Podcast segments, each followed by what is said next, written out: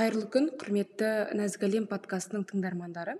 Бүгін бізде көптен бері жоспарлап асыға күткен қонағымыз ергелді есдәулет мырза. Қош келдіңіз. Рахмет келгеніңіз үшін.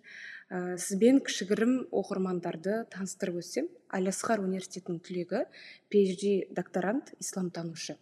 Және сүннет энциклопедиясы атты том том кітаптардың авторларының бірі жаңа өмірге мотивация кітабының авторы. Қош келдіңіз. Енді сізбен жақынырақ танысу мақсатында білім жолыңызды айтып өтсеңіз. Ә, білім жолым 2008 жылы ә, мысырға ә, мысырға оқуға түсумен басталады. Екі жылдай уақыт араб тілін үйрендім. Екі жылдай фаундейшн сияқты. Одан кейін екі жыл әл асқардың қарамағындағы институт бар. Санауи институт деп аталады. Ә, ислам ғылымдары және араб тілі оқытылады. Сол институтта оқыдым. Одан кейін 2012-2016 жылдар аралығында әл асқар университетінің ақида және философия факультетін тәмамдадым. 2016-2017 жылдары әл асқар университет магистратурасы бар. Ә, ақида және философия мамандығы бойынша ә, сол жерде бір жылдай оқыдым. Кейін 2017 жылы елге оралып әл фараби атындағы қазақ ұлттық университетіне магистратураға түстім. 2017-2019 жылдар аралығында тәмамдадым магистратураны исламтану мамандығы бойынша. 2019-дан ә, қазіргі уақытқа дейін осы әл фараби атындағы қазақ ұлттық университетінің докторантымын. Мамандығым тану оның ішінде қазіргі зерттеп жатқан ә, тақырыбым қазіргі араб әлеміндегі интеллектуалды дағдарыс жөнінде. Жалпы солай. Керемет рахмет көп көп. Ә, керемет білім жолы деп ойлаймын. Енді бізде ағай ә, нәзік әлем подкастында бір айдар бар еді. Абай атамызға арналған айдар. Бұл айдардың мақсаты ұрпақтар сабақтастығын жалғау және қайнар көзіміз тарих пен әдебиеттен сусындау. Және абайдың қара сөздерін терең ұғыну өлеңдерін терең ұғыну. Осыған дейін дін маманы ермек есқожа ағаймен әрі психолог табиғат қаутай ағамен қара сөздерді талдаған төрт бес бір эпизодымыз бар. Ә, енді бүгінгі эпизодта абайдың ә, қара сөздерінен бұрын өлеңдері арқылы абайды жаңа қырынан ашамыз деген үміттеміз. Ә, бірінші ең бірінші сұрақтарға көшпес бұрын абай туралы және абайдың даналығы парасаттығы парасаттылығы туралы сөйлесіп өтсек. Абай атамыздың парасаттылығы даналығы туралы сөз қозғау үшін менің ойымша мұхтар әуезов атамыздың абай жолы атты роман эпопеясын тілге тиек етуіміз керек. Бұл роман эпопеяда абай атамыздың қалай қалыптасқандығы қалай тұлға болғандығы қалай ә, жаңағы ғылым жолына берілгендігі онымен тек қана ғылым жолымен шектеліп қоймай қоғамның өзекті мәселелерін шешуге тырысуы арқылы қарасақ болады. Абай атамыздың мынау осы абай жолы роман эпопеясындағы медреседен қайтуы сонымен басталады. Он жасында медресенің білімін тауысып қайтуы енді бұл он жасында тау, медресенің білімін ә, бітіру үшін де оның алдында әжесінің зере әжесінің ұлжан анасының олардан да біраз білімді сусындады. Енді қазақта білім ауыз әдебиет арқылы тарап отырған. Ал зере әжесі болса осы ауыз әдебиетінің майталманы деп айтсақ болады. Сол ерте ерте ертеде деп бастаса болды. Абай атамыз зере әжеміз бірден абайдың нені меңзегенін түсініп бұрынғы ертегілерден қисса дастандардан айтып беретін болған екен. Одан кейін ә, медреседе оқуы да өте көп. Абайдың дана болуына парасатты болуына әрине үлкен әсерін тигізді.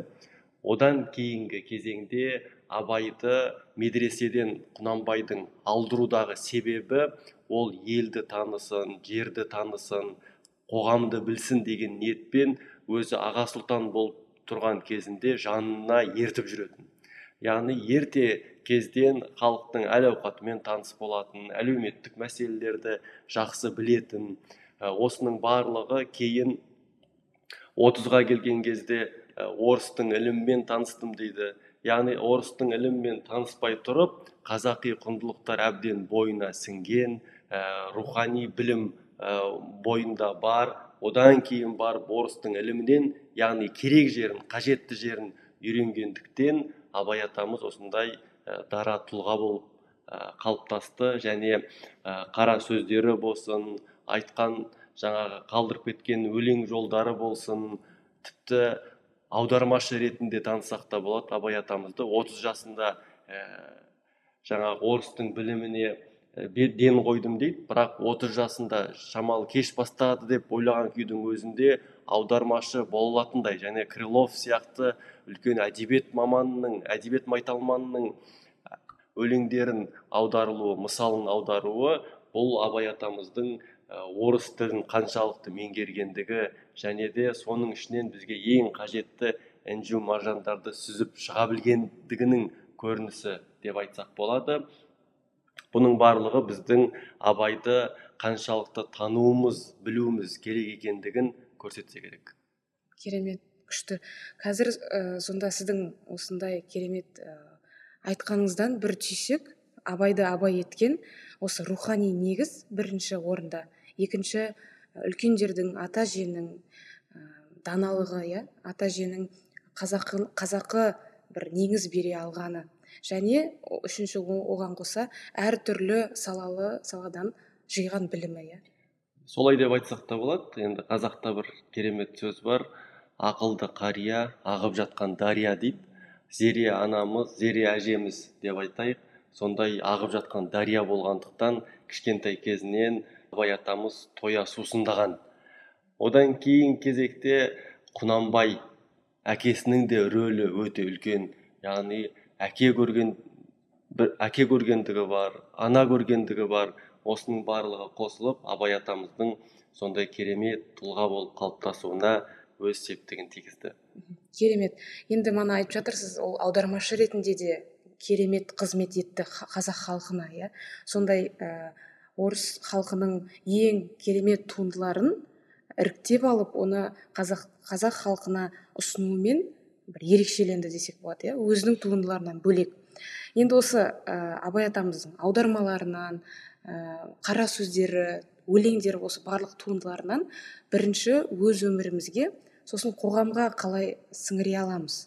Себебі қазір ә, құндылықтар ауысқан заманда ә, сәл өмір сүріп жатырмыз ғой. Қалай қоғамға сіңіруге болады?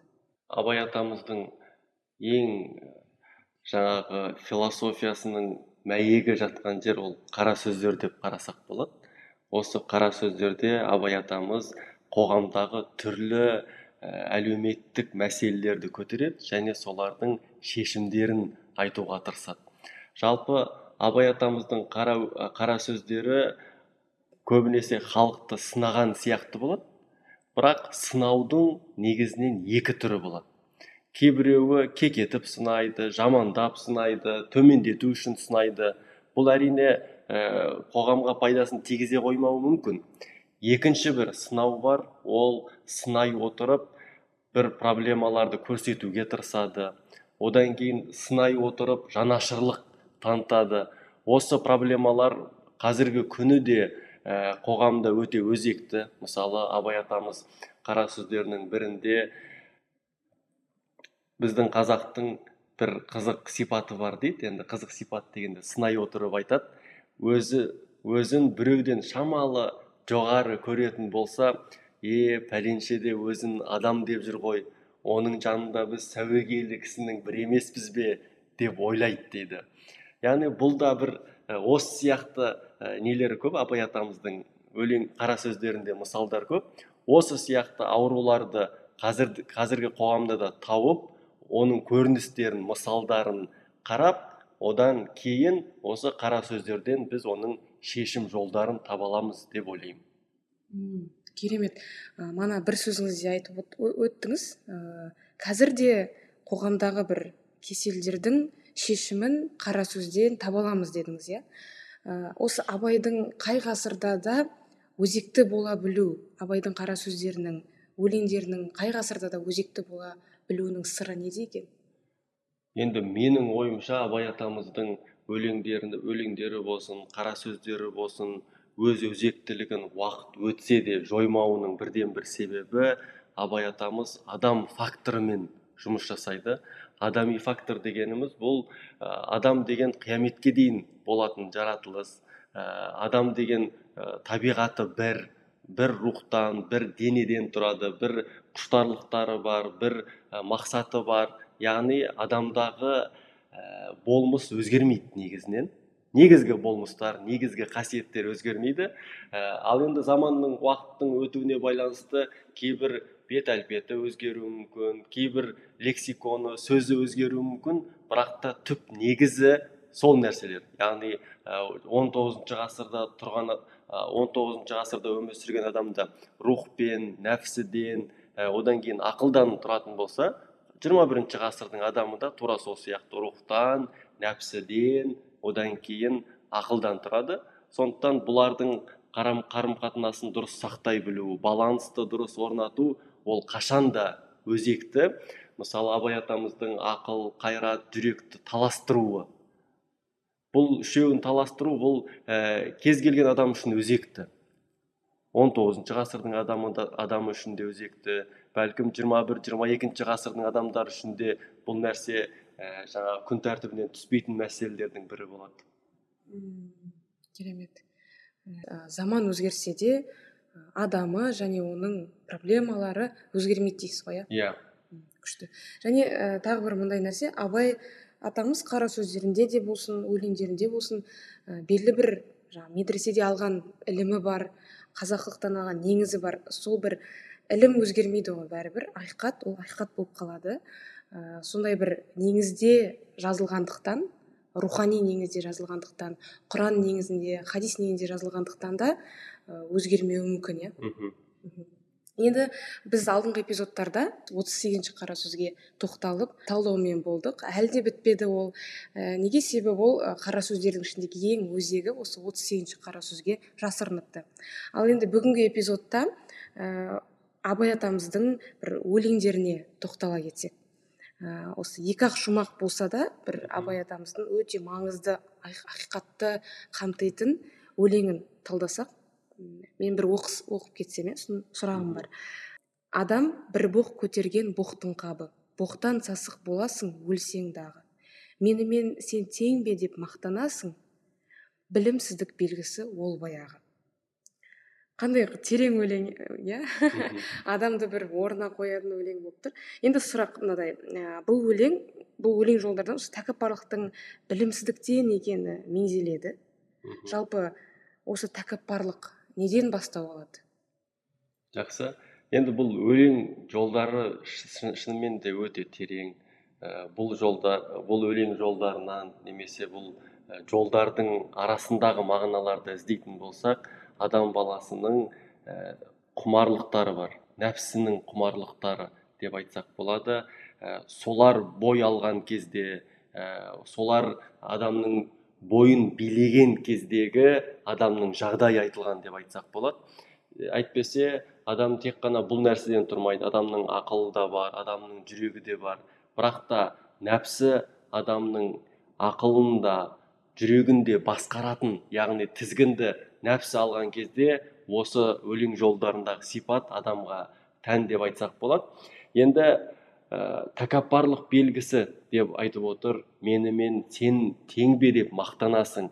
Яғни біреуді өзімен салыстыру бағанағы қара сөздерде де жоғарыда айтып өткеніміз де осы болатын. Білімсіздік белгісі дейді. Білімсіздік белгісі дегеніміз яғни нәпсісі ақылынан жоғары тұратын адамдардікі. Ә, ақыл қанша жұмыс істесе де қанша дұрыс нәрселерді көрсетсе де ә, нәпсінің ығына жығылып кеткендіктен адам тәкаппарлыққа беріледі тәкаппарлыққа бой алдырады.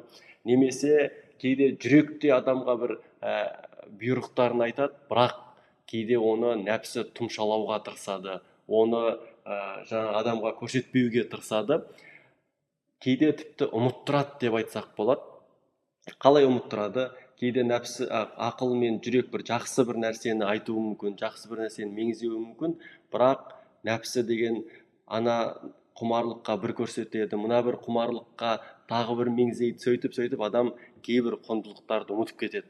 Осы ұмытып кеткен кездерінің бірінде мақтанады бірінде тәкаппарланады бірінде ә, жаңағы не үшін жаралғанын да ұмытып кетуі мүмкін білімнен де алшақ болуы осыған байланысты деп қарасақ болады.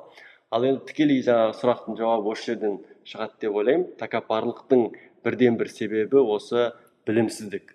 Яғни адамның өзін танымауы. Ал алғашқы екі жолда абай атамыз адамның өзін танитындай етіп дәл анықтамасын берген деп айтсақ болады. Керемет. Яғни тәкаппарлық ол ә, нәпсінің тұсалмауынан басталады. Иә. Енді екінші шумағына өтсек. Кеше балың келдің ғой талай жасқа. Көз жетті бір қалыпта тұра алмасқа. Адамды сүй алланың хикметін сез не қызық бар өмірде онан басқа. Мхм. Күшті айтылады иә? Иә. Енді ә, бұл шумақтан мынадай сұрағымыз бар. Бұл жерде абай атамыз өмірдің мақсатын не үшін өмірге келгенімізді меңзей және өмір сүрудің бір хикметі ә, адамды сүю ме? Мхм. Адамды сүй алланың хикметін сез дейді да? Енді біз бұл дүниеге үш түрлі көзқараспен қарасақ болады. Бірінші көзқарас бұл әлемге нәпсі құмарлықтарын қандыратын бір орын деп қарауымызға да болады. Бұл енді бірінші шумақта анық айтылып кетті.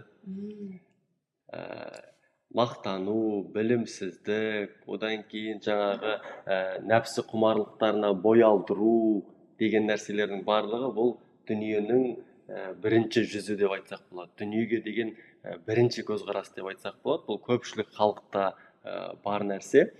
Одан кейін екіншісі кеше бала ең келдің ғой талай жасқа деген сөз. Кеше бала едің бүгін осындай бір егде жасқа келдің енді ә, келесі ә, тұрағың ол бәлкім қабір болуы мүмкін бәлкім махшар болуы мүмкін. Оған дайындығыңды жасадың ба? деген нәрсе де бұл жерде меңзеліп отыр. Ә, көз жетті бір қалыпта тұра алмасқа. Яғни уақыт деген зымырап өте береді. Кеше бала болғаны сияқты бүгін осындай жасқа келдің бүгін осындай жет, жасқа келген болсаң ертең бір аяғың төрде болғанымен екінші аяғың көрде болады. Сондықтан көрге де дайындал дегенді білдіреді. Бұл бұны енді былай деп түсіндірсек те болады. Заман деген зымырап өте береді бірақ заман зымырап өткенімен оған пайдалы бір нәрселер қалдыру яғни осы уақытымызды құнды ету біз қалай уақытымызды құнды ете аламыз?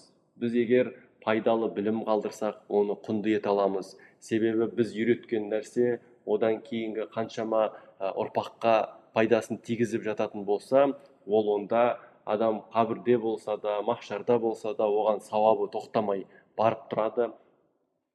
Одан кейін екіншіден қоғамға бір пайдалы ізгі іс жасаған болса мысалы бір көпір салған болса немесе мектеп салған болса сол көпірден қаншама адам өтеді ә, жаңағы мектепте қаншама бала тәлім алады білім алады.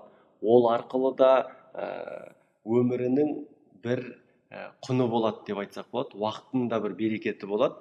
Ә, екіншіден ә, үшіншіден адамды сүй алланың хикметін сез не қызық бар өмірде онан басқа деуі бұл одан да бір жоғары ә, дәреже деп айтсақ болады. Бұл әлемнен алла тағаланың хикметтерін іздеу адамды жақсы көру. Адамның күні адаммен дейді қазақта.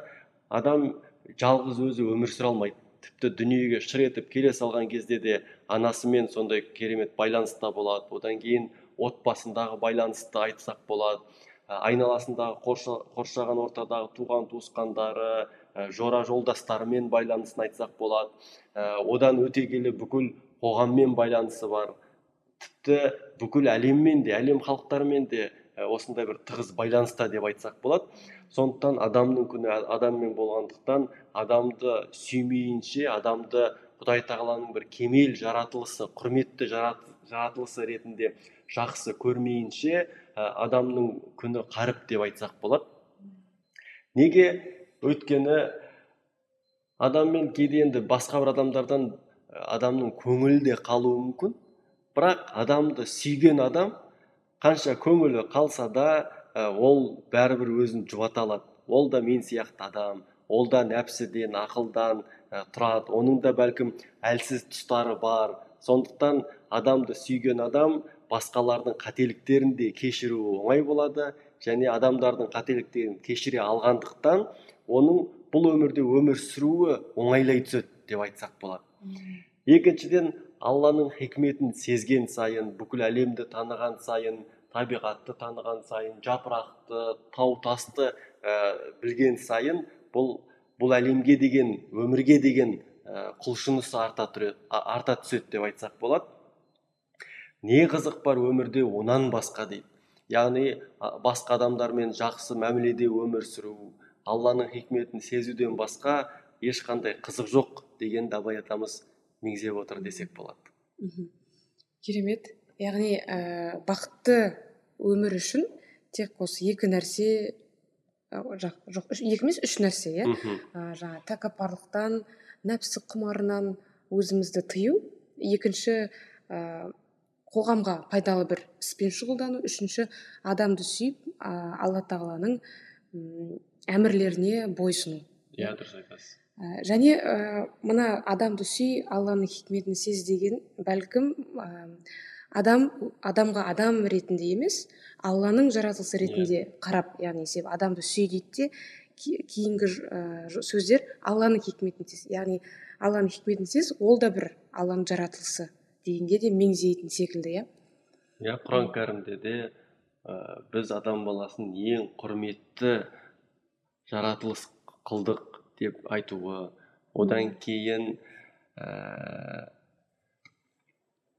адам баласын ең кемел бейнеде жараттық дейді. Ол да осыны көрсетсе керек. Керемет.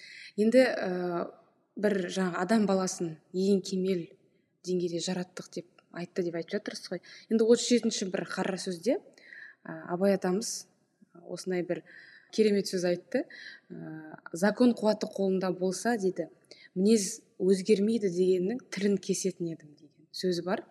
Сонда адам қай жасында да өзгеруге қауқарлы ма? Бұны біз мына біреу нәрсемен түсіндіре аламыз деп ойлаймын. Абай атамыз бәлкім медреседе оқығандықтан пайғамбарымыздың өмірбаянымен де керемет таныс болған сияқты. Құран кәрім түскен уақытта пайғамбарымызға пайғамбарлық келген уақытта пайғамбарымыз қырық жаста болатын.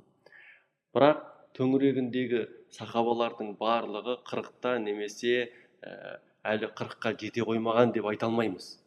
Қырықтан ә, үлкені де болды қырықтағысы да болды қырықтан кішісі де болды. Бірақ бұлардың барлығы дерлік сахаба деп айтатындай дәрежеде өзгерді. Сондықтан кез келген уақытта адам өзгере алады. Егер бұл, бұл нәрсеге қарайтын болсақ пайғамбарымыздың жаңағы анық мысалдары деп көрсек болады. Пайғамбарымыз айтады менің сахабаларымның әрбірі өз алдына бір бөлек шоқ жұлдызға ұқсайды дейді. Темір қазық сияқты деп айтсақ болады. Енді қазақша айтқан кезде қайсысына қарап бағыт бағдар ә, іздесеңдер де одан таба аласыңдар дейді мысалы бұрын жаңағы ауылды жерлерде темір қазыққа қарап солтүстікті анықтап алады одан кейін ә, үйіне баратын жолды тауып алады ғой. Тура сол сияқты ә, сахабаларға қарап сендер де өздерің ә, үлгі өнеге ала аласыңдар дейді әрқайсысы бір үлгі өнеге ала алатындай сондай тұлғаға айналуы бұл осы абай атамыздың осы сөзімен ұштасатын сияқты. Керемет. Яғни ә, кезінде ә, сахабалар жахилия заманында болса да қырықтан аса да қырыққа дейін де олар өзгере алды иә? Руханият ислам неге келгелі иә? Пайғамбарымызға пайғамбарлық келгелі. Күшті мысал айттыңыз күшті болды. Енді ә, келесі сұрақ. Мана бір айтып кеттіңіз осы кемел ә, адам бейнесін абай атамыз да жазып кетті деп. Қалап кеткен деп. Оны ә, кемел адам деп кейде толық адам деп ә, туындыларында келеді. Енді абай айтқан абай атамыз айтқан осы кемел адам бейнесі қандай оны қалай сипаттайды? Жақсы. отыз сегізінші қара сөзде абай атамыз енді біздің бастағы тағриф бойынша құдай тағала ғылымды рақымды ғадалатты құдіретті еді сенде, сенде де бұл ғылым рақым ғадалат үш сипатпенен сипаттанбақ ижтихатың бар болады. Белгілі жауан мәртілік үш хаслат бірлен болар деген сыдық кәрәм ғақыл бұл үшеуінен сыдық ғадалат болар кәрәм шапағат болар. Дей келе абай атамыз алла тағаланың көркем есімдері сипаттары туралы айтады. Одан кейін адам да алла тағаланың туындысы ретінде оның бойында да осы ғылым рақым әділдік деген сияқты сипаттар бар дейді абай атамыз. Бұл сипаттар бұлар әр адамның бойында алла табарака ва тағала тахмин бар қылып жаратқан дейді. Тахмин бар қылып жаратқан деген сөз оның бойында сол нәрсенің дәндері бар деп қарасақ болады сол нәрсенің тұқымы бар деп қарасақ болады. Ә, немесе потенциал ретінде ол адамның бойына сіңірілген жаратылған кезде әу бастан бар нәрселер. Бірақ оған рауаж беріп гүлдендірмек бәлки адам өз халінше кәмәлатқа жеткізбек дейді. Яғни кімде кім осы дәндерді суғарып жақсылап баптап күтіп оларды гүлдендіретін болса онда әркім қаншалықты гүлдендіре алды сол бойындағы қасиетті қабілетті дарынды қаншалықты оята алды соншалықты кемелдікке жетеді дейді. Енді абай атамыз одан кейін осы кемелдікке жетуге байланысты оның формуласын да айтып өтеді. Бұлар өз ижтихатың бірлен бірлән ниет халис бірлән ізденсең ғана берілетін нәрселер болмаса жоқ дейді. Яғни кемелдікке жету үшін адамның бойынан екі нәрсе табылу керек. Біріншісі ниет халис яғни кемел адам болам бойымдағы дарынды одан ары дамытуға тырысамын қабілеттерімді ашам деген берік мақсат болу керек берік ниет болу керек. Халис дегеніміз шынайы деген сөз ғой. Шынайы ниет болу керек. Тек қана ниет те жеткіліксіз өз, өз ижтихадың бірлән дейді. Яғни бұған ижтихат та керек. Ижтихат дегеніміз ол талпыну тырысу бүкіл бойындағы күш қайратын осы жолға жұмсау арнау дегенді білдіреді. Сондықтан деген ыждахаттылық дегеніміз де осы сөзден шығады. Сондықтан ыждахаттылықпен яғни ыждахаттылық дегеніміз ол табандылық берілмеу берілмей қайыспау деп айтсақ болады. Сондықтан табандылық таныта табандылық таныту керек сосын адамның бойында шынайы кемелдікке жетем деген ниет болу керек. Осы екі нәрсе арқылы абай атамыз кемелдікке жетуге болатындығын айтады. Сосын абай атамыз тағы бір өлең жолдарында бұны басқаша сипаттайды. Ақыл қайрат жүректі бірдей ұста сонда толық боласың елден бөлек дейді. Енді ақыл дегеніміз ол адамның интеллектуалды жағы білімі деп айтсақ болады. Қайрат дегеніміз ол адамның ерік жігері бәлкім физикалық күш қуаты жүрек дегеніміз ол адамның рухани жағы. Адам осы үш, үш жағы да толық болған кезде ғана елден бөлек бір ерекше тұлға болады. Адамның бойында қандай да қайсы бірі болып басқа біреу болмайтын болса ол кемел адам деп ол адамды айта алмаймыз. Мысалы былай деп қарастырып көрсек болады.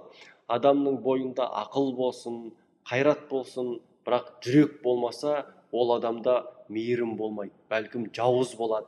Ақылын бәлкім адамзаттың бір ә, қасіреті үшін жұмсауы мүмкін.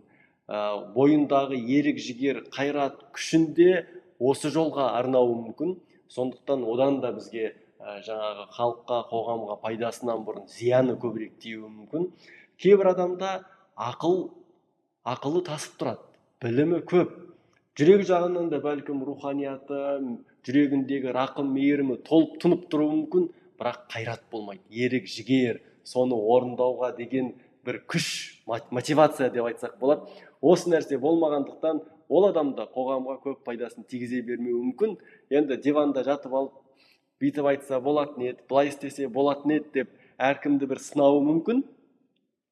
Ал кейбір адамда қайрат болады. Энергиясы бойында күші тасып тұрады. Тепсе темір деп айтады ғой қазақта.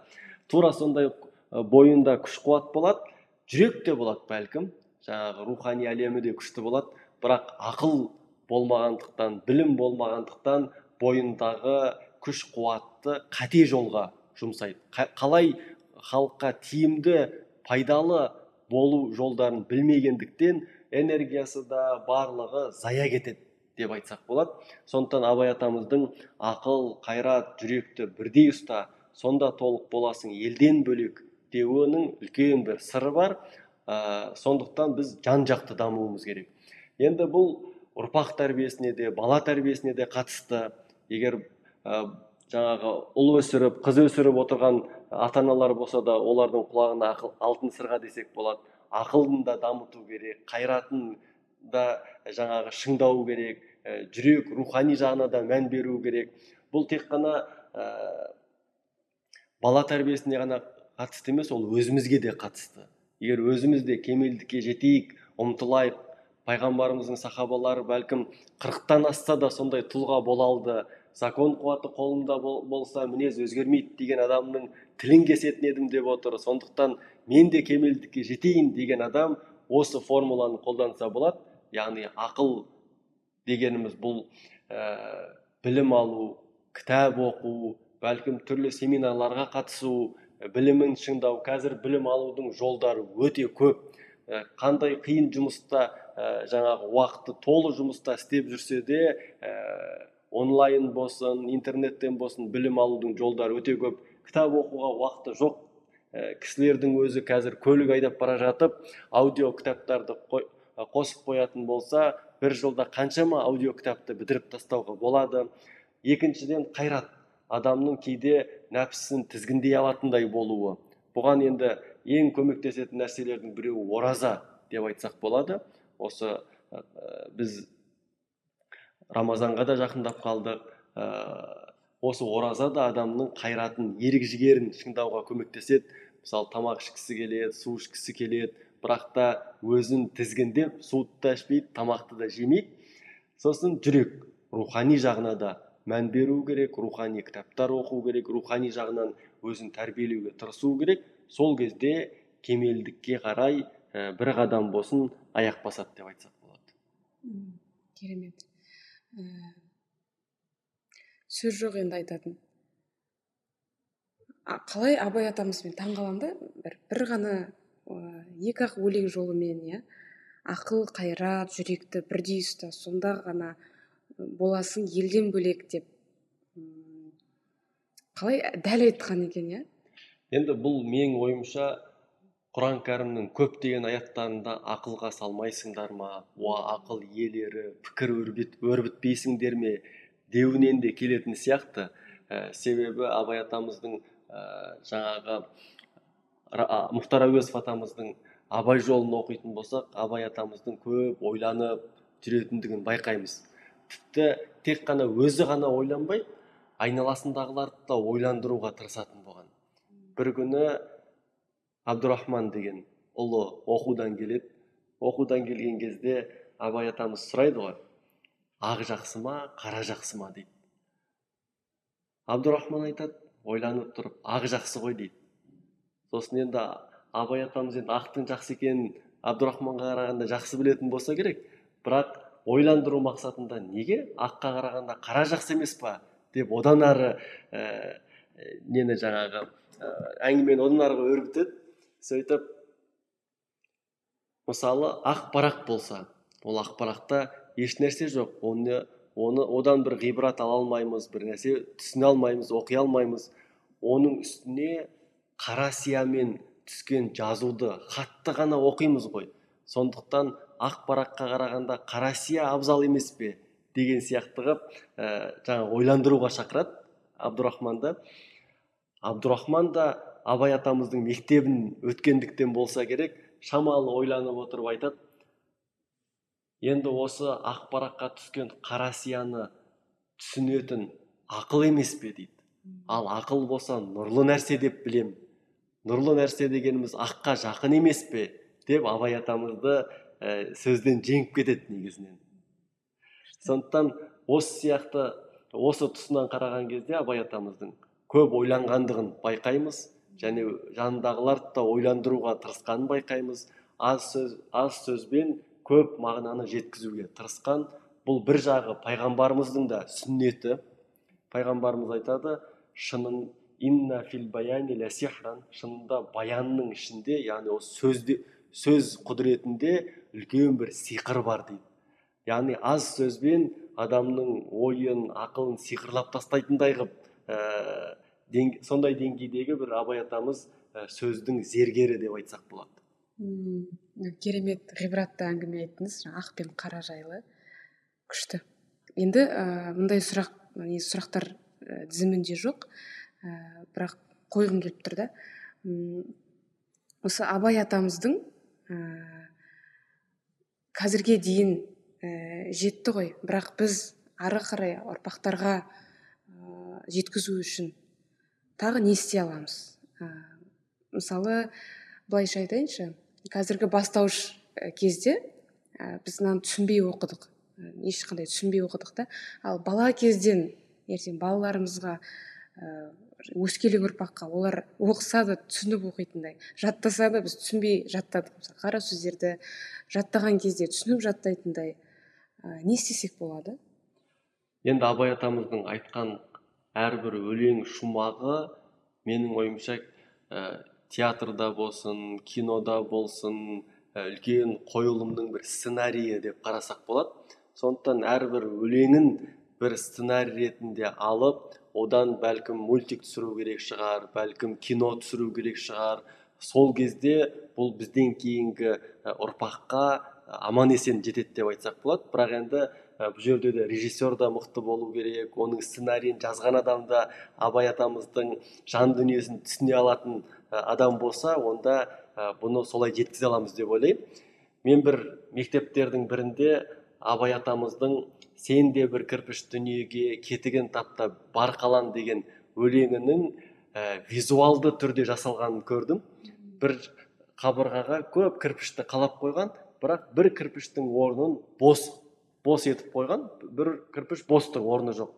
Сосын оны алып басқа бір жерге ә, жаңа бір кірпішті жабыстырып қойғанда астына әсемпаз болма әрнеге өнер, өнерпаз болсаң арқалан сен де бір кірпіш дүниеге кетігін тап та барқалан деп өлеңді өлеңді сөзге өлеңді жазып қойған астына. Және кірпішті қойып қойған. Енді бұл кірпіш дегенді қалай түсінеміз? Бұл енді әрбір саланың әлі зерттелмеген тұсы болуы мүмкін. Мысалы химия деп айтатын болсақ химияда әлі бір зерттелмеген бірақ қоғамға әлемге өте қажет нәрселер бар. Сол нәрсені тауып зерттеп сол нәрсені ортаға шығаратын болса онда ол нәрсе жаңағы сол адам өзінің өмірдегі ә, жаңағы кетікті тауып кірпіш болып қаланғаны деген сөз. Немесе қоғамда шешімін таппай тұрған бір мәселе болуы мүмкін. Өте ауыр бірақ адамдардың барлығы оған мұқтаж. Сол нәрсені шешетін болса ол да бір кетігін тапта барқалан деуі ә, сол болады деп ойлаймын. Ол әрбір салаға да қатысты қоғамдағы мәселелерге де қатысты. Ә, енді бұл сен де бір кірпіш дүниеге кетігін тапта барқалан деген негізі бұл пайғамбарымыздың бір хадисінен алынған нәрсе.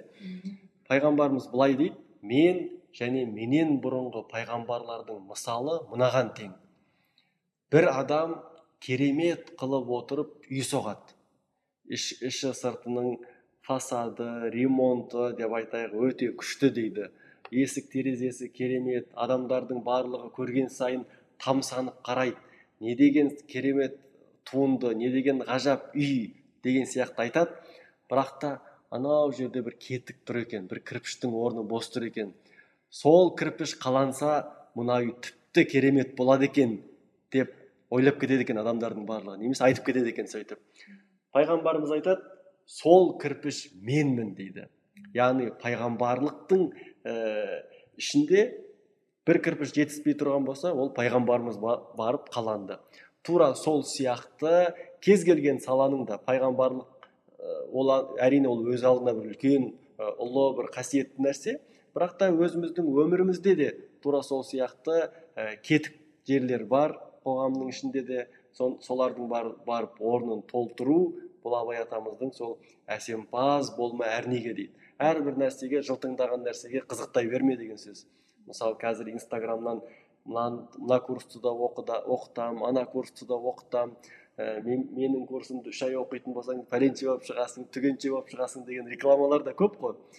Енді олардың барлығына ә, не істей берме дейді алдана берме дейді. Өнерпаз болсаң арқалан өнерпаз дегеніміз ол сол қандай да бір саланың маманы деген сөз. Бағанағы кетікті табу үшін де айналасындағы бар кірпіштерді зерттеп шығу керек негізінен. Соларды тану керек. Сосын барып кетіктің кетік екенін білгеннен кейін барып оны толтыра алады. Керемет. Яғни әр адам өзін бір кірпіш сезініп кірпіш әрі де бір қатты болады ғой. Иә. Өзінің маманында мамандығында шебер болып және қоғамда қай жерде кетік бар соны аңдып жүріп дәл сол жерге кірпіш болып қалану қаланса ұрпақтан ұрпаққа жете алады дейсіз ғой иә? Жалпы өнер де әдебиет те құндылықтар да ұрпақтан ұрпаққа жетеді егер әркім өзі бір кірпіш болса иә? Иә әрине. Күшті. Және жаңа идея ұнады. Әдемі секілді адамдар жаңа миында қалып қоятын секілді иә көз визуал ретінде сақтап қалатын сияқты күшті. Енді бұл ә, біздің абай атамызға арнаған бір ә, неміз бөліміміз аяқталды. Ендігі бөлімді сіздің ә, шығармашылығыңызға арнасақ маған қызық болып тұр. Жаңағы ә, сүннет энциклопедиясы қазір ә, соңғы қанат ағай салып жатыр еді. Кітап алда сегізінші жетінші сегізінші. томдар жарық көріпті. Сіздің коавторлықпен осы жазылған кітап. Яғни осы сүннет энциклопедиясы туралы айтып өтсек сегіз томдық. Әзірге сегіз томдық. Ә, сүннет энциклопедиясы деген бұл бір үлкен жоба. Бұл да ә, жаңағы айтқанымыз сияқты ә, кетігін таптап арқалан демекші бұл, бұл да бір кетік негізінен. Ә, қазақстан исламтану саласында саласы қазақстан үшін жаңа бір тақырып деп айтсақ болады. Әрине тәуелсіздіктен кейін. Енді ол патша өкіметі кезінде бәлкім кеңес одағының алдында ол бір жаңаша нәрсе емес еді. Бірақ тәуелсіздік алғаннан кейін бұл өте бір өзекті мәселеге айнала бастады. Ә, хадистерді әркім әртүрлі ә, тұжырымдайтын болды әркім әртүрлі бұрмалайтын болды деп айтсақ болады. Ә, тіпті кейбір жерлерде ә, жаңағы мынандай хадис бар емес пе деп елдің ә, шырқын бұзатын адамдар да пайда болды. Сондықтан соларға бір шамалы өнеге болсын деп Ә, немесе қоғамда хадистердің дұрыс түсінілуі үшін қоғамда хадистердің дұрыс түсінілуі үшін осындай бір түсіндірме жазылды. Бұл жерде хадис кітаптарының ең негізгі алтауы бар. Бұлар бұхари муслим абу дауд термизи нәсаи ибн мәжа деген сияқты ең негізгі хадистің қайнар көздері деп айтсақ болады. Осылар түгелдей аударылды және соларға түсіндірме берілді. Бұл энциклопедия. Энциклопедия болғандықтан тақырып тақырыптарға бөлінген кез келген адам мазмұнын ашып қай тақырып ұнаса сол тақырыпты оқуына болады. Бұл енді қазірге дейін сегіз том бірақ та алдағы уақытта тағы да төрт томы жарық көреді. Ол редакциядан өтіп дайын тұр. Қателеспесем қазір сараптамаға кеткен болуы мүмкін. Дін істер агенттігіне. Енді бұл бірінші томнан бастап он екінші томға дейін басынан аяқ оқып шығатын кітап емес негізінен. Бұны пайдалану үшін барлық том болуы керек қолымызда. Одан кейін қай тақырып бізді қызықтырады? Мысалы исламдағы қарыз мәселесі. Осы қарызға байланысты қандай хадистер бар екен деп көргіміз келсе барамыз да хадис ә, ненің ішінен мысалы екінші томында үшінші томында ашамыз. Соның ішінен сол мәселеге байланысты хадистерді түсіндірмесімен қараймыз. Бұл бірінен бірі жалғасады иә? Бір бірімен жалғасады ары қарай иә. ә, тақырыптары мысалы бір ә, бірінші томда болған тақырып басқаларда кездеспейді ғой? Кездеспейді басқа бірінде кездеспейді. Тіпті көрші тақырыптар бір бірімен ешқандай байланысы да болмауы мүмкін. Мысалы ақыретке иман деген ә, тақырып тұруы мүмкін да жанында деген сауда саттыққа қатысты бір мәселе болуы мүмкін. Сондықтан әртүрлі мәселелер қарастырылған бұл алфавиттік тізіммен жасалған тақырыптары. Сондықтан ә, ол тақырыптары неге бір бірімен байланысты емес негізінен. Күшті керемет. Бұл кітапты барлық ә, исламданушылар хадисті мысалға ермек есқожа аға ол хадис тәпсіршісімін деп айтты. Сөйтіп таныстырды. Өзің қателеспесем яғни сондай м рауан ағалармен иә қалай қалай топ жинақталды қызық болып тұр да маған. Жақсы. Бірінші жоба жетекшіміз рауан ағамыз. Рауан ағамыз павлодарда жат ағыммен күрес бойынша түрмелерде жұмыс жасады ұзақ уақыт бойы. Үш жылдай төрт жылдай уақыт жұмыс жасады. Енді терроризм бабы бойынша отырған жастардың көбісі осы хадиске байланысты отыр деп айтсақ болады. Хадисті дұрыс түсінбегендіктен. Бір хадисті бір жерден естіп алады ә, сол хадисті естіп алып келіп имамдардың басын ауыртады сол мешіттегі немесе төңірегіндегі жамағаттың шырқын бұзады. Бұл әбден ә, неше түрлі одан да өрескел ә, мәселелер туындағандықтан бұлар көбі сотталып кеткен. Енді сотталғанда бұлар былайша айтқанда бір қарасақ жазықсыз да отырған сияқты.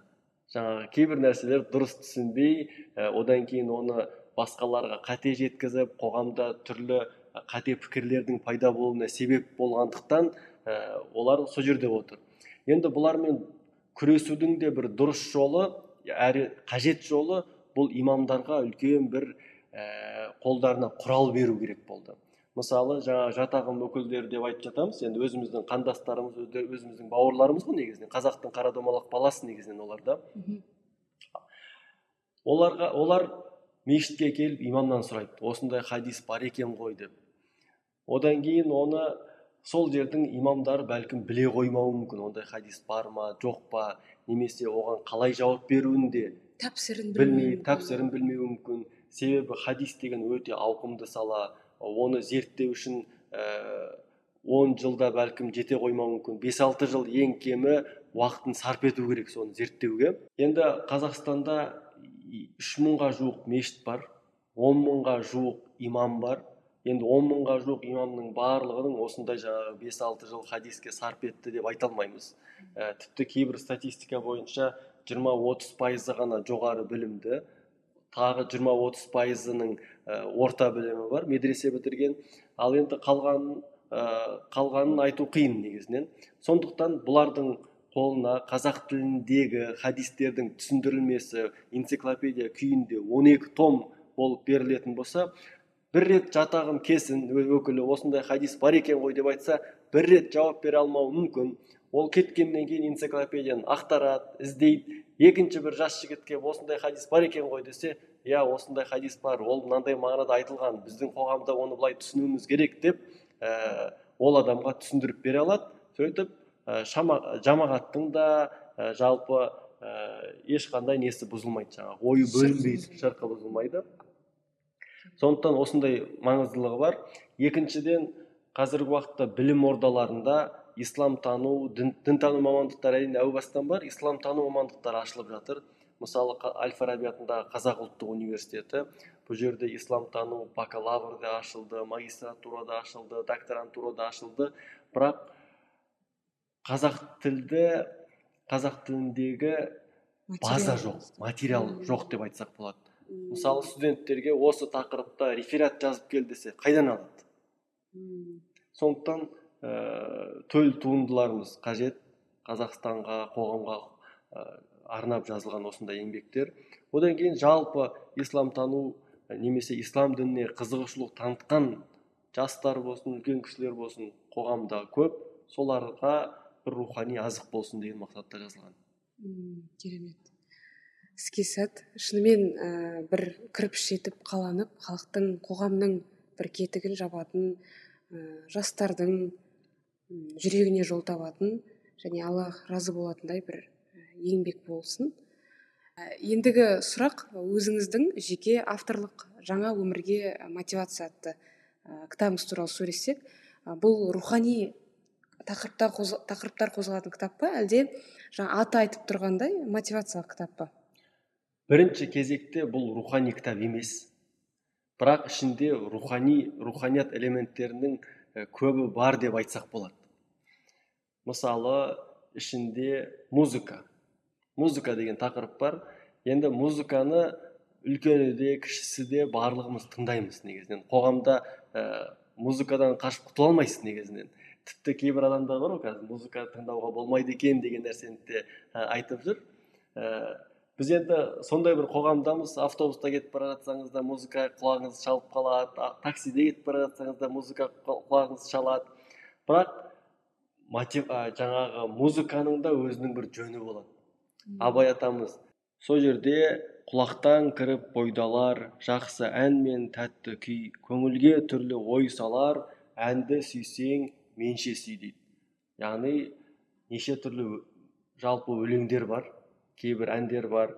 Ол адамның құлағына кіреді бүкіл жаңағы ақылын жүрегін рухани әлемінің барлығын бір баурап алған сияқты болады. Сөйтіп ол жақсы үй мен жақсы ән мен тәтті күй адамның көңіліне әдемі әдемі ойлар салады жаңа жаңа идеялар келеді. Бәлкім ақылының бір түбінде жатып бірақ оны түсіне алмай жүрген болуы мүмкін бәлкім әлі жүрегінің түбіне түспей жүрген болуы мүмкін. Сол нәрселер адамның адамға бір ә, жаңа құлшыныс береді деп айтсақ болады. Одан кейін әнді сүйсең менше сүй дейді. Яғни абай атамыз сияқты сүй деп отыр. Ә, осы сияқты ә, әрбір нәрсенің бір жөн жосығы айтылған десек болады. Көбінесе осы абай атамыздың ә, өлеңдері қара сөздері талданды деп айта аламыз. Ішінде тек қана абай атамыз емес одан кейін алаш ә, зиялылары жалпы қазақ Э, қоғамында болған зиялы қауым өкілдерінің шығармаларынан алынды. Одан кейін әдеби туындылар қаралды кейбір жерлерінде. Абай атамыздың жаңа крыловтан жасалған аудармасы да талданды ішінде қысқа қысқа. Енді бұл сегізінші он екінші класстарға болған, болғандықтан қазіргі уақытта жастар қатты көп кітап оқи бермеуі мүмкін. Сондықтан аз сөзбен көп нәрсені жеткізуге тырысу керек. Ә, мысалы қазір кітап дүкеніне жастардың өз еркімен кіре, кіре қоюы қиын. Кіре қалған күйдің өзінде дүкенге қарайды да бәлкім кітаптардың атына авторына үңілмеуі мүмкін. Жай ғана сыртындағы суреттерге қарайды. Так біреуінің сурет, суреті ұнай бастаса соған жақындайды. Одан кейін тақырыбын оқиды. Тақырыбы қазіргі уақыттағы ең өзекті жастардың ең көп оқитын тақырып бұл мотивация тақырыбы. Сөйтіп ә, кітапты қолына алады мотивация деген сөз ұнағаннан кейін. Одан кейін қолына алған кезде де іші толған қалың жазу болса шрифттері майда болатын болса қайтадан кітапты орнына қоя салады. Сондықтан қазіргі ә, жастарды оқыту үшін сыртындағы мұқабасы да керемет болу керек. Бұл арнайы дизайнер ә, жаңағы мұқабасын жасады. Ішіндегі ә, ішінде бірнеше жаңа иллюстрациялық суреттер бар. Солар тақырыпқа байланысты салынды. Одан кейін бөлек бөлек цитаталар бар. Мысалы абай атамыздың цитаталары немесе қазіргі уақыттағы стив джобс деген сияқты әлемді аузына қаратып отырған қайраткерлер деп айтайық. Ә, солардың да нелері бар? Жаңағы өлең, өлең жолдары немесе сөздері бар. Ә, соларды оқиды. Сөйтіп солардың ішінен бір ғибрат алады деген оймен жазылды. Ә, одан кейін сегізінші он екінші ә, класстарға арнап жазылғандықтан бұл бұл бұл бір өмірге бейімделу деп айтсақ болады. Мамандық таңдау адамның бойындағы қабілеттерді ашу ол қабілеттерді қазіргі заманның ең озық білімдерімен ұштастыру ол алған білімді тәжірибеде шыңдау сосын халықтың елдің игілігі үшін жұмсау үшін жазылған кітап негізінен. Мазмұны қысқаша осылай деп айтсақ болады. Мм керемет. Андай адам ә, кітапты алған кезде жас мектеп жасындағы балалар. Мына кітапты мен бітіре аламын деп ойлау иә. үшін иә сондай суреттер әртүрлі қостыңыздар. Керемет күшті. Ә, енді ойлаймын осы подкастты тыңдап отырған ә, жастар болса тіпті студенттер болса да оларға да ә, алатыныңыз бар деп ойлаймын. Тіпті абай атамыздың көп өлеңдері нелер қосылған дедіңіз ғой. Соны да бәлкім кітаптан ә, басқаша қырынан абай атамыз тағы да бір аша аламыз иә. Күшті. Енді ә, бұл бөлім де аяқталды. Тағы сіздің айтпақшы кітаптарыңыз бар ма? Ә, мен білмейтін. ораза туралы бір кішігірім кітапшамыз бар. Одан кейін ықылас туралы бір кішігірім кітапшамыз бар. Ә, одан кейін ә, әл фараби бабамыздың саясат туралы трактаты бар. Бұл енді көне қолжазба күйінде болған. Біз ол қолжазбаны қазіргі күйге форматқа келтіріп өңдеп шықтық. Ә, әл фараби атындағы қазақ ұлттық университетінде. Одан кейін оны өңдеп қазіргі форматқа алып келіп одан кейін қазақ тіліне және орыс тіліне аудардық. Одан кейін оған ә, комментарийлер мен түсіндірмелер жаздық. Сөйтіп осы авторлығымызбен не бар? Әл фарабидің саясат туралы трактаты бар. Мм керемет. Бұл кітаптарды жаңағы ораза туралы дедіңіз иә? Сосын ә, ықылас туралы кітаптар ә, кітап дүкендерінде бар кітап иә? дүкендерінде бар. Кітап ал иә басқа және басқа да кітап дүкендері бар екен. Күшті. М как раз ә, алла жазса рамазанға жақындап келе жатыр. Сол ораза сол рамазан айындағы ораза ма әлде барлық жалпы ораза? Жалпы рамазанға қатысты. Негізі рамазанға қатысты. Керемет. Онда дәл дәл түсіппіз уақытымыз. Күшті. Енді ә, шығармашылық айдары аяқталды. Бізде ә, нәзік әлем подкастында сондай ә, блиц сұрақтар айдары бар. Бұл бөлімде ә, бұл бөлімде подкастымызға келген қонақты басқа қырынан өзінің жеке тұлғалық қырынан тану мақсатында қойылады. Өзіңізге қатысты. Бұл енді қысқа да жауап беруге болады ұзақ та жауап беруге болады. Қаласаңыз өз еркіңіз. Енді бірінші сұрақ мынадай анаңыздың қандай қасиетін қыздар үшін үлгі етіп айтар едіңіз? Енді анам біріншіден тарихшы мұғалім. Білімді жақсы көреді білім білімнің жанашыры деп айтсақ болады. Ә, біздің оқуымызға өте көп себеп болды. Ә, тіпті ә, біздің білім алуымыз үшін ә, үлкен бір педақорлықтарға барды деп айта аламын. Неше түрлі жаңағы курстарға біз жазатын ә, неше түрлі секцияларға беретін ә, біз енді үйде бес ұлмыз ә, бесеуіміз де жан жақты оқытуға тырысты әлі енді мен үйдің үйдің ең үлкенімін. Әлі кішкентайлар әлі бастауышта оқиды. Олардың өзін ә, жақсы оқытуға тырысып жатыр. Ә, тіпті жаңағы жалақысының көп бөлігін осы бізге жұмсайды деп айта аламын. Сондықтан ең үлкен бір жаңағы сипаты қасиеті осы ә, бізді білімге баулу деп айта аламын керемет. Иә сізді кішкентай кезіңізден бір мысырға жібергеннен ақ білуге болады иә? күшті. Енді келесі сұрақ ә, кішкентай әдеттер өмірімізге үлкен өзгерістер алып келеді дейді. Ә, сізде өміріңізде көп пайдасы болған әдетіңіз бар ма? Енді ондай ә, әдет. Бір бәлкім енді болса мынау болатын шығар деп бір айтып көрейін. Ә, біріншіден ә,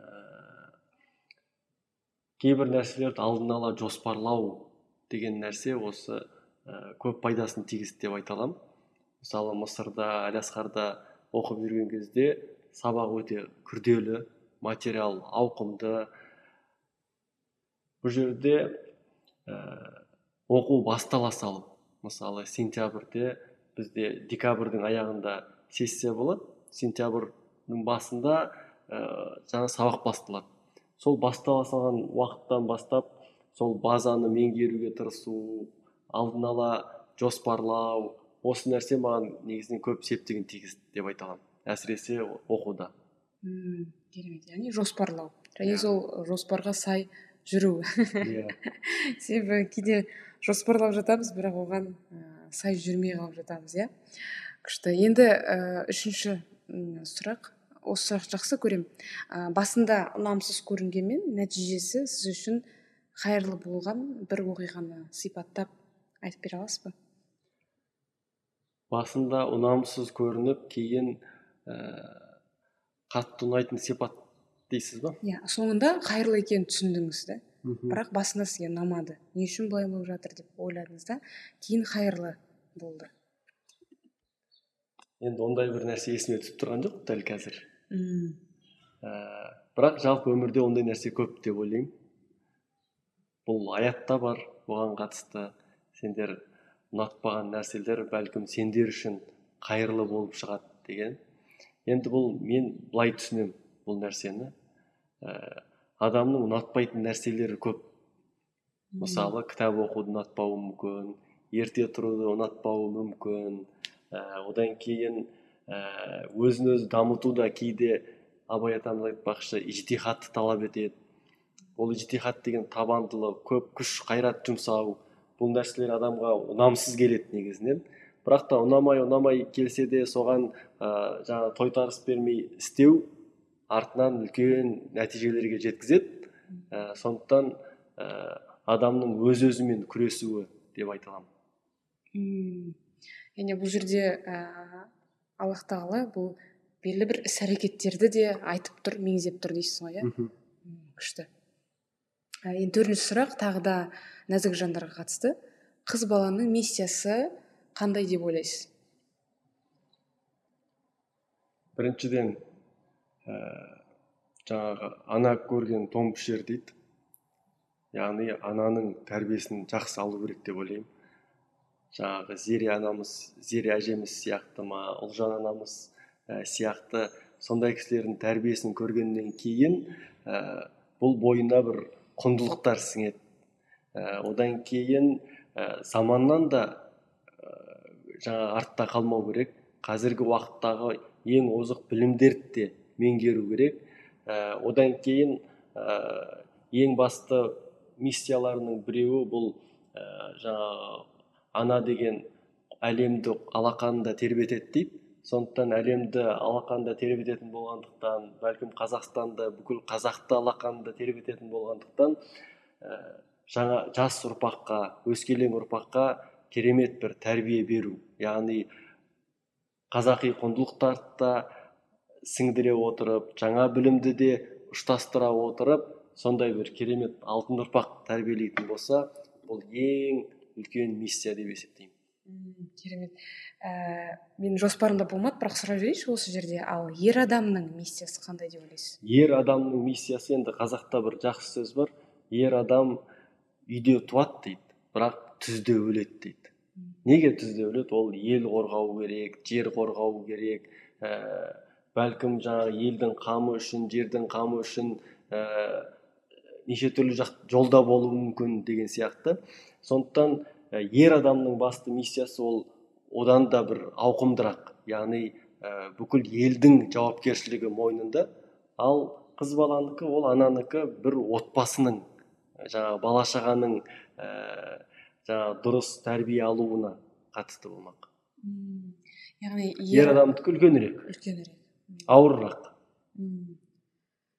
жақсы. Ә, және алла тағала да ер адамдарға бір көбірек ә, қайрат сыйлағаны да осыдан болуы мүмкін иә? Осыдан болуы мүмкін иә. Енді сіз нәзік әлем демекші ол бала тәрбиесі деген нәзік нәрсе ғой. Сондықтан ол деген әрбір баланың әрбір қасиетіне байланысты әрбір қабілетіне байланысты өте бір нәзік жұмыс жасауды талап етеді. Ал енді ер адамның оған сабыры жете қоймауы мүмкін.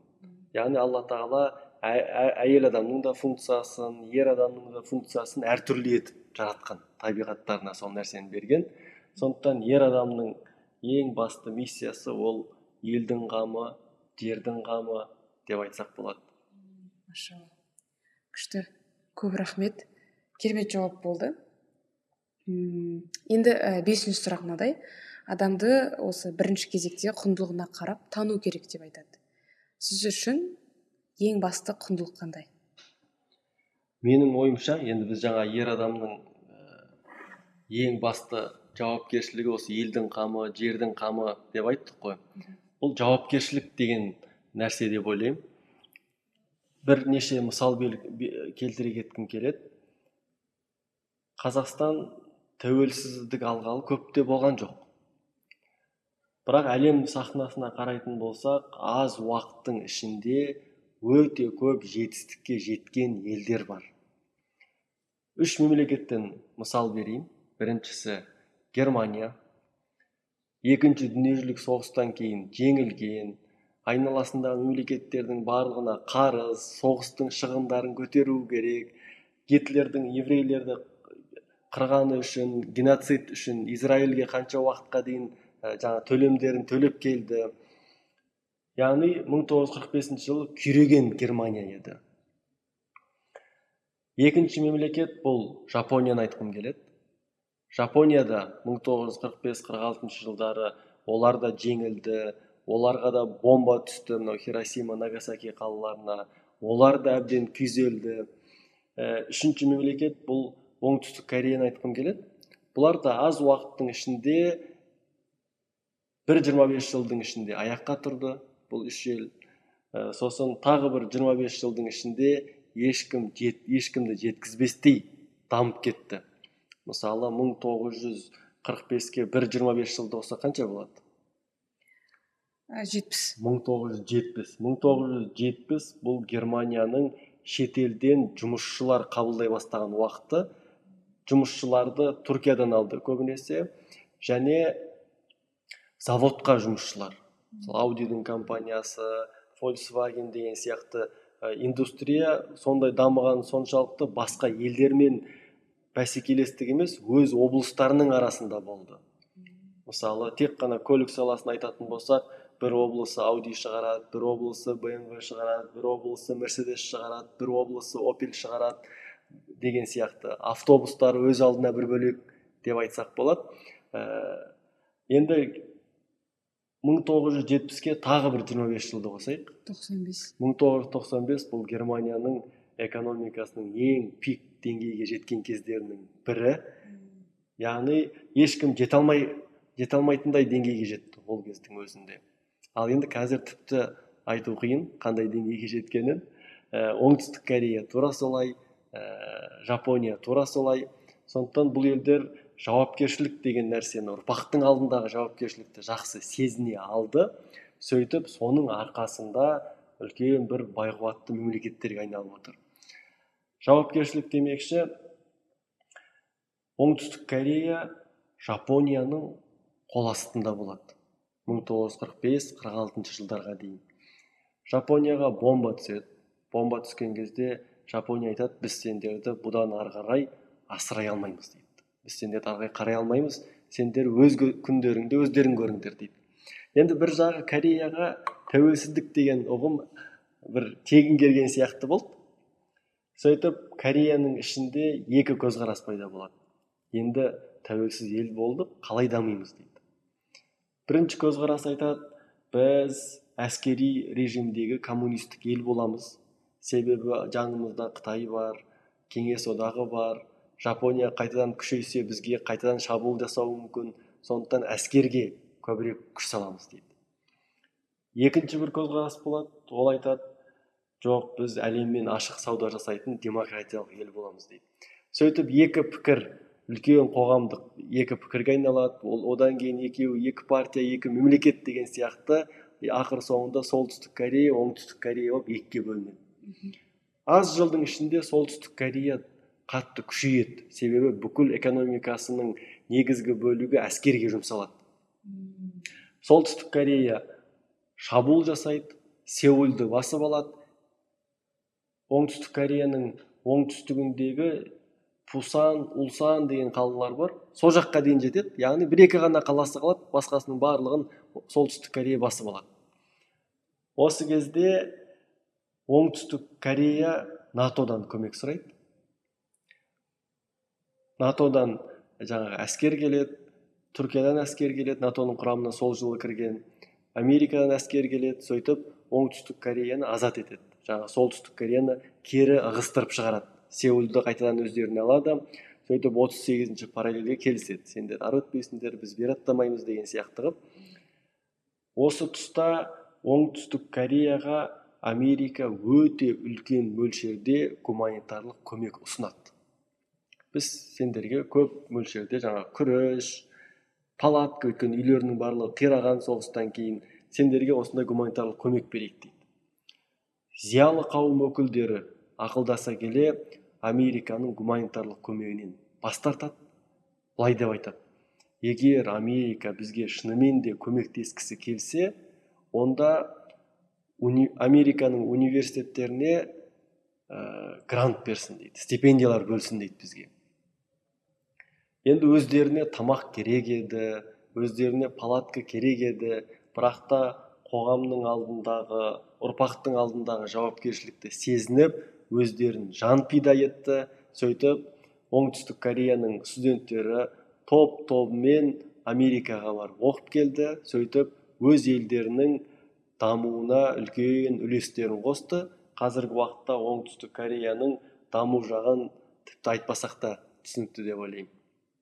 Сондықтан жауапкершілік деген сипат бұл қазіргі уақытта бізге қазақстанға тәуелсіздігін енді алған жас ел үшін өте маңызды. Керемет. Яғни бүгінгі күннің ә, тамақ суын ғана емес болашақ ұрпақтың білімін руханиятын да ойлау иә? Иә дұрыс айтасыз. Керемет. Рахмет сізге уақыт бөліп осы подкастқа келгеніңіз үшін. Қаншама жастар тәлім алатындай ә, керемет білім жолыңыз бар керемет шығармашылық жолыңыз бар. Аллах разы болсын сізге алдағы уақытта ә, әлі талай кітаптар жазуыңызды оның жүректерге жетуін әлі ә, керемет жұмыстар жасалып ә, әртүрлі кірпіштер бір ғана емес бірнеше кірпіштер қаланып қоғамның кем, кем тұстарына солай сіздер арқылы қалануын тілейміз.